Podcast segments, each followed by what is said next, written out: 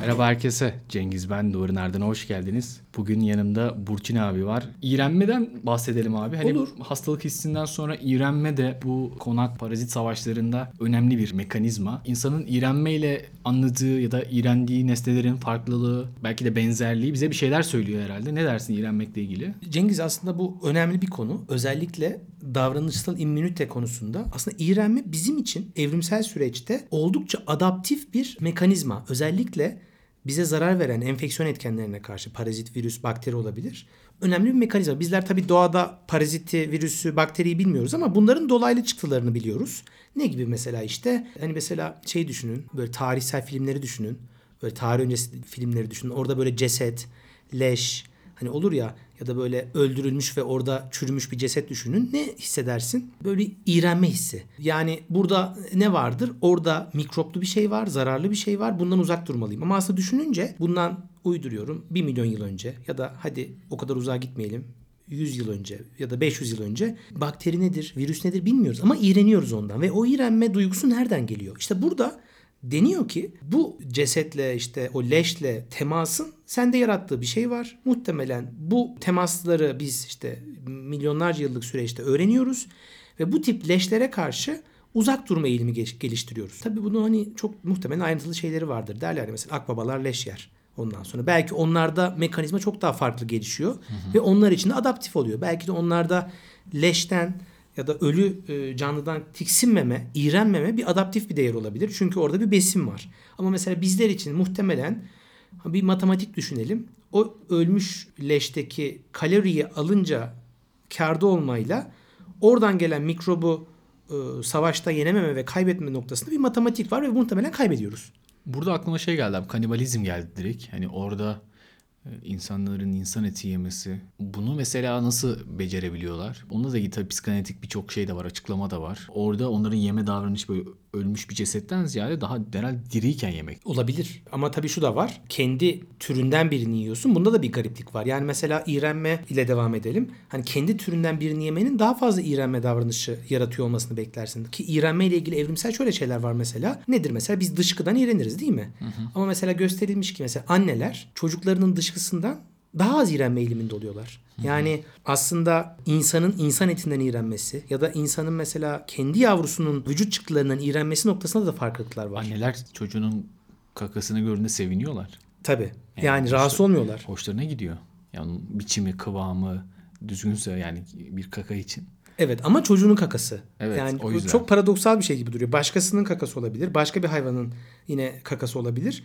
Orada iğrenme mekanizmaları devreye giriyor. Çünkü çocuğunun kakasından iğrenme adaptif değil. Hı hı. Ve muhtemelen e, burada da bunu görüyorsun. Çok böyle net bir şekilde görüyorsun. Ya da başka ne olabilir iğrenme ile ilgili? Mesela besinler. Hani doğada sonuçta hani hayvan örneğini de verdik ama mesela bozuk besine yönelik bir rahatsız olma, iğrenme modülümüz var değil mi? Mesela bazen mutfakta ya da işte evde ya da başka bir yerde sokakta görüyorsun. Bir besin var mesela çöp kenarında görüyorsun. Bozulmuş, beklemiş, sinekler uçuşuyor üstünden. Direkt iğrenme tepkisi veriyorsun. Yani iğrenme ya çok basit gibi gözüküyor ama hı hı. bu modülü böyle derinleştirdikçe bize yol gösterebiliyor Cengiz. Mesela ne bileyim yine antik dönemlerde ya da geçmiş dönemlerde ne olabilir? Cüzzamlılar. Hani olur ya mesela uzak tutulur. Hani klasik hatta bunun tarihsel bağlamı da vardır. Yani yüzündeki yaralar. Hatta şey denir ya abi yani stigma. Bugün bizim tartıştığımız hani işte mental stigma dediğimiz ya da bulaşıcı hastalıklarda stigmanın tabii ki hani kötü bir şey stigma ama bir dönem adaptif bir şey olduğu söyleniyor. Yani insanların özellikle ciltte döküntüyle giden hastalıklarda da işte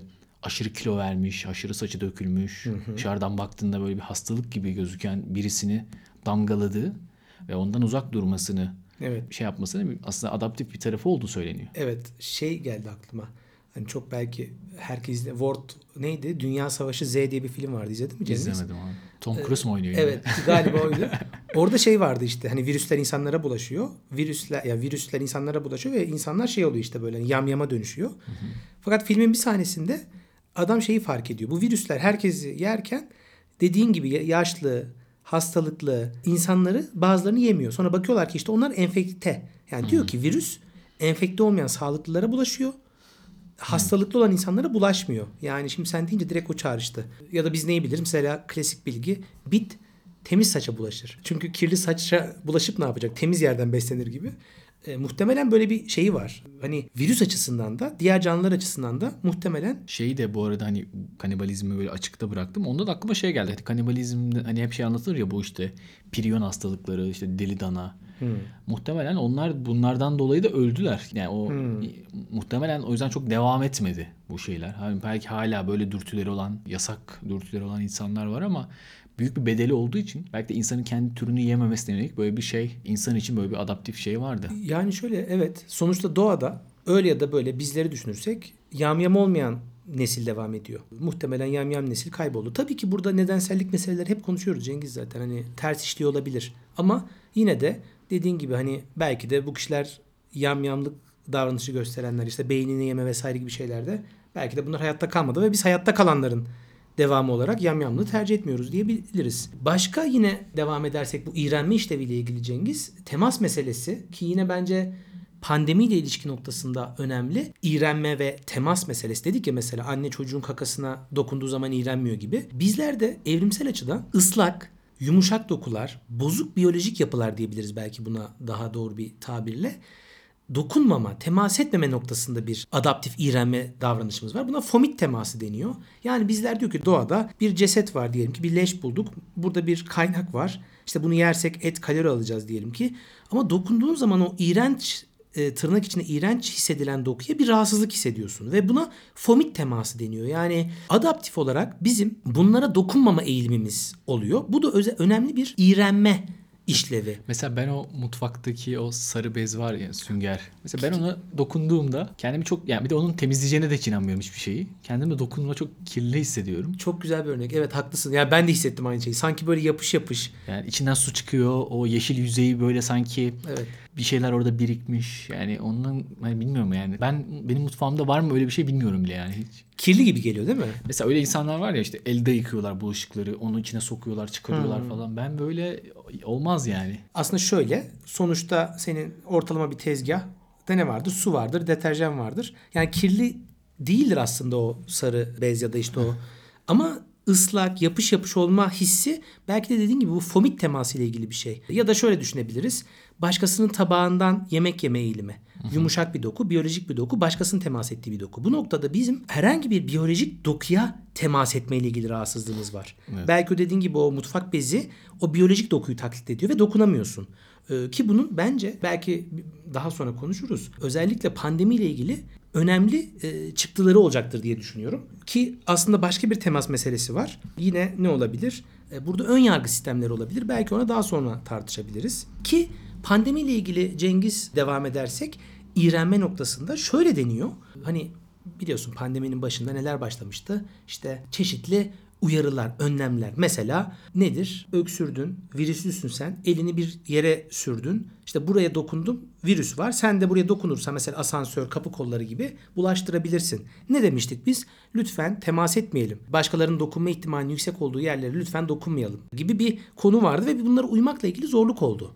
Neden zorluk oldu? Aslında uyarı belli, e, yapılması gereken şey belli. Çok basit, çok pratik, koruyucu. Peki niye işe yaramadı? Çünkü deniyor ki işte iğrenme bizim biyolojik, evrimsel bir modülümüz.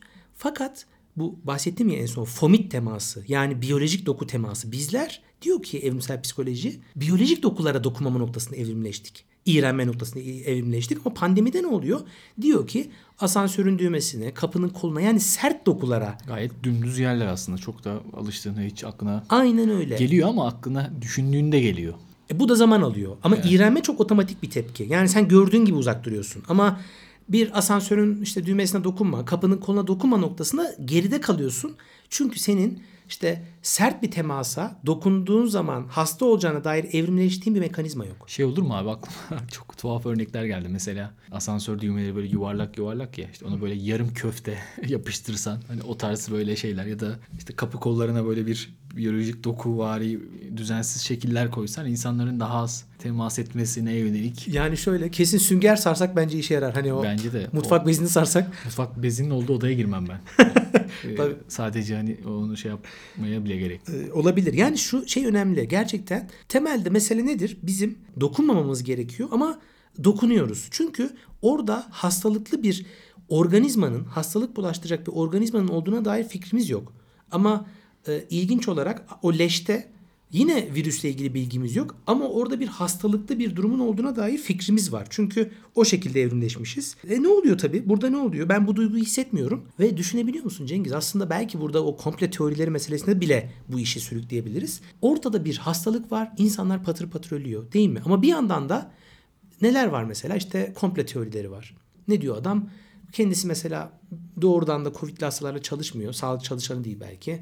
Ee, ne diyor? E iğrenmiyor hasta. Diyelim ki bir adam öksürüyor ama buna karşı yeterince iğrenme hissi olmadığı için ne demeye başlıyor? Böyle hastalık mı olur? Ve ardından aslında spekülatif ama kendince rasyonel çünkü iğrenme ile ilgili duygusu yok ki. E, duygusu olmadığı zaman da gerçekçi gelmeyebiliyor. Gerçekçi gelmediği için de sen bir sürü önlem almaya çalışıyorsun ama uymuyorsun. Çünkü bu kurallara uymanın sana bir mantıklı tarafı gelmiyor. Bu sefer de diyorsun ki yok Rockefeller, yok işte Bill Gates. Bill Gates'in yaptığı e, Yani veba gibi olsa, cüzzam gibi olsa insanlar buna daha şey yaparlardı herhalde. Yani o ve- iğrenme Evet belki şeyi. cüzdanda olur mu vebada olur mu bilemedim. Çünkü Onda veba da kararıyor falan ya insanlar. Geç Sonra- evrede belki. Ama geç evre işte. Yani yine de görüyorlar aslında. ama Tabii bu Şöyle bir şey var abi bence o da mesela çok etkili. Hani modern zamanlar insanların e, yakınlarının ölümünü evde görmediği zamanlar. Ben biraz böyle görüyorum ya. Herkes hastanede ölmek zorunda. Kimse evinde ölemiyor. En ağır hasta bile hani bunu evine götürün ya da şey yapın dediğinizde bile hastanede kalmasını istiyor insanlar. Birisinin ölümünü görmekle ilgili çok büyük bir zorluk yaşıyoruz. İlla ölüm haber- haberini bir doktor vermeli. E, illa o an öyle yaşanmalı. Hani ben kendim için aynı şeyler geçerli. Hani insanları suçlamıyorum aslında. O yüzden de o sahneler şey olmuyor. Tam olarak insanın o işte bilişinde yer etmiyor. Yani hastaneye gitti, hastaydı, hastalığı vardı diyorlar ama öldü. Yani gözünün önünde ölse, o şeyi görse, o diğer sistemler etkisini, solunumla ilgili zorluğunu sen diyorsun ki işte biz onu işte hortuma bağladık. Hangi hortum diyor adam yani öyle bir şey mi var? Olamaz diyor. İnanmıyor, görmüyor çünkü. Görmesi için ortam yok çünkü teoride hani görmemesi lazım bulaşı azaltmak için. Yani böyle sürekli bu şeyi pekiştiren şeyler oluyor. Modern çağlarla birlikte tabii bu yine aslında bu hani daha önce de konuştuk ya eşleşmeme problemi, mismatch problemi. Ya bizim işte dediğin gibi hatta yasta bile vardır ya ölünün yüzünü görme. Bu kültürel cenaze ritüellerinde de mesela hani ölüyü görme ya da mezara koyma, toprak atma bunlar hep aslında o gerçekle yüzleşme. Ee, ama ne oluyor? Dediğin gibi modern çağda ölü o klasik çağdaki sembolik işte belki dini, belki antropolojik işlevlerinden bağımsızlaşıyor. Bir işte metaya bir çeşit tedavi edilmesi gereken bir nesneye indirgeniyor ve senin o kendi belki yakının olabilir, hastayla olabilir, hastalıkla olan bağın kopuyor. Bağın koptuğu için dediğin gibi de bir inanmama, bir e, ikna olmama hali gelişiyor olabilir. Şeyi e, geçen yine bir makale okudum. Şey diyor adam. Yani artık yaşlılığa bile bir hastalık olarak bakılıyor. Yani yaşlanmayı bile tıbbileştirme eğilimi var. Yani kimse yani daha doğrusu şöyle herkes hastalıktan ölüyor nihayetinde. İlla bir hastalık olmalı. Yaşlılık. Yaşlılık Tabii ne hastalık. oluyor? Yaşlılığa bağlı hastalıklardan diyor. Öyle ölüm sebebi açıklanıyor ya. Yaşlılıktan demiyor. Yaşlılığa bağlı hastalıklardan. Yani yaşlılık öldüren bir şey değil de yaşlılığın yarattığı hastalıklar öldürüyor. Aslında yaşlılık da öldürür. E tabi. Yani ama insanın tabii ki son evresinde bir organı çalışmayacak. Hani kalbi kan pompalamayacak. Ama bu hastalık değil ki işte. Yani bu sonuç. İşte o, o şeyi dediğin gibi yani metalaştırmak, dışsallaştırmak, nesneleştirmek. Evet. Yani insanın o bir şekilde ölüm olgusunu dışarıda bir yerde tutması. Belki kendisini güvende hissettiren bir şey. şey geldi aklıma hani bu sağlık çalışanlarına şiddet meselesi var ya hani mesela insanların ölümü doğal bir süreç olarak görme ihtimali aslında azaldı. Çünkü ortada bir problem var. Yani yaşlı insan mesela 80 yaşında e, vefat ediyor. Mesela aile mesela şiddet uyguluyor sağlık çalışanına. Yani aslında ölümün doğal bir süreç olduğu fikri kayboluyor. Çünkü şöyle Hastalıktan. bir hastalığı vardı ve tedavi edilemediler Evet. gibi düşünüyor. Aslında bir hayat döngüsü var, bir yaşam hani döngüsü var ve bunu reddediyor gibi. Belki burada ya kesinlikle çok ciddi hani kültürel e, ya da işte bu teknolojinin gelişmesiyle ilgili gelen sosyal, sosyolojik, antropolojik bir sürü dönüşüm var. Evrimsel manada da aslında hani buna de- dediğim bir önce söylediğim gibi eşleşmeme problemi deniyor. Yani benim işte dediğin gibi iğrenme işlevim yeterince çalışmadığı için sorun yaşıyorum ki bununla ilgili bir sürü örnek var biliyorsun yani. Hani işte ne bileyim işte fobiler. Seninle de zaman zaman konuşuyoruz yani. Bizlerde ne vardır işte örümcek fobisi, yılan fobisi vardır ama işte elektrik çarpma fobisi, araba çarpma fobisi yoktur. Neden? Çünkü biz o fobileri taşıdığımız için hayatta kalan bir o, o fobileri taşıyan e, soyun çocuklarıyız. Kork- korkakların e, şeyiz, Evet, torunlarıyız. evet öyle olduğu için de tabii ki e, ne oluyor? Evrimleşilen çevreyle şu andaki çevre arasında bir sorun yaşıyor. Yani aslında şöyle diyebiliriz. Belki bu pandemi için diyebiliriz ya da pandemiye benzeyen diğer e, rahatsızlıklar için diyebiliriz. Medeniyet problemi ve bizler temelde aslında evrimsel psikolojinin temel prensibi odur ya bizler medeniyette evrimleşmediğimiz için medeniyete bağlı sorunlar yaşıyoruz. Yani medeniyete bağlı vermemiz gereken tepkileri vermiyoruz. Bize bir görev verilmiş mesela ne bileyim pandeminin e, işte yasaklara uymak, karantinada kalmak uyamıyoruz. Çünkü doğamızda yok. Buraya kadar dinleyen herkese çok teşekkür ederim. Tekrar buluşmak üzere. Hoşçakalın. Görüşürüz. Thank you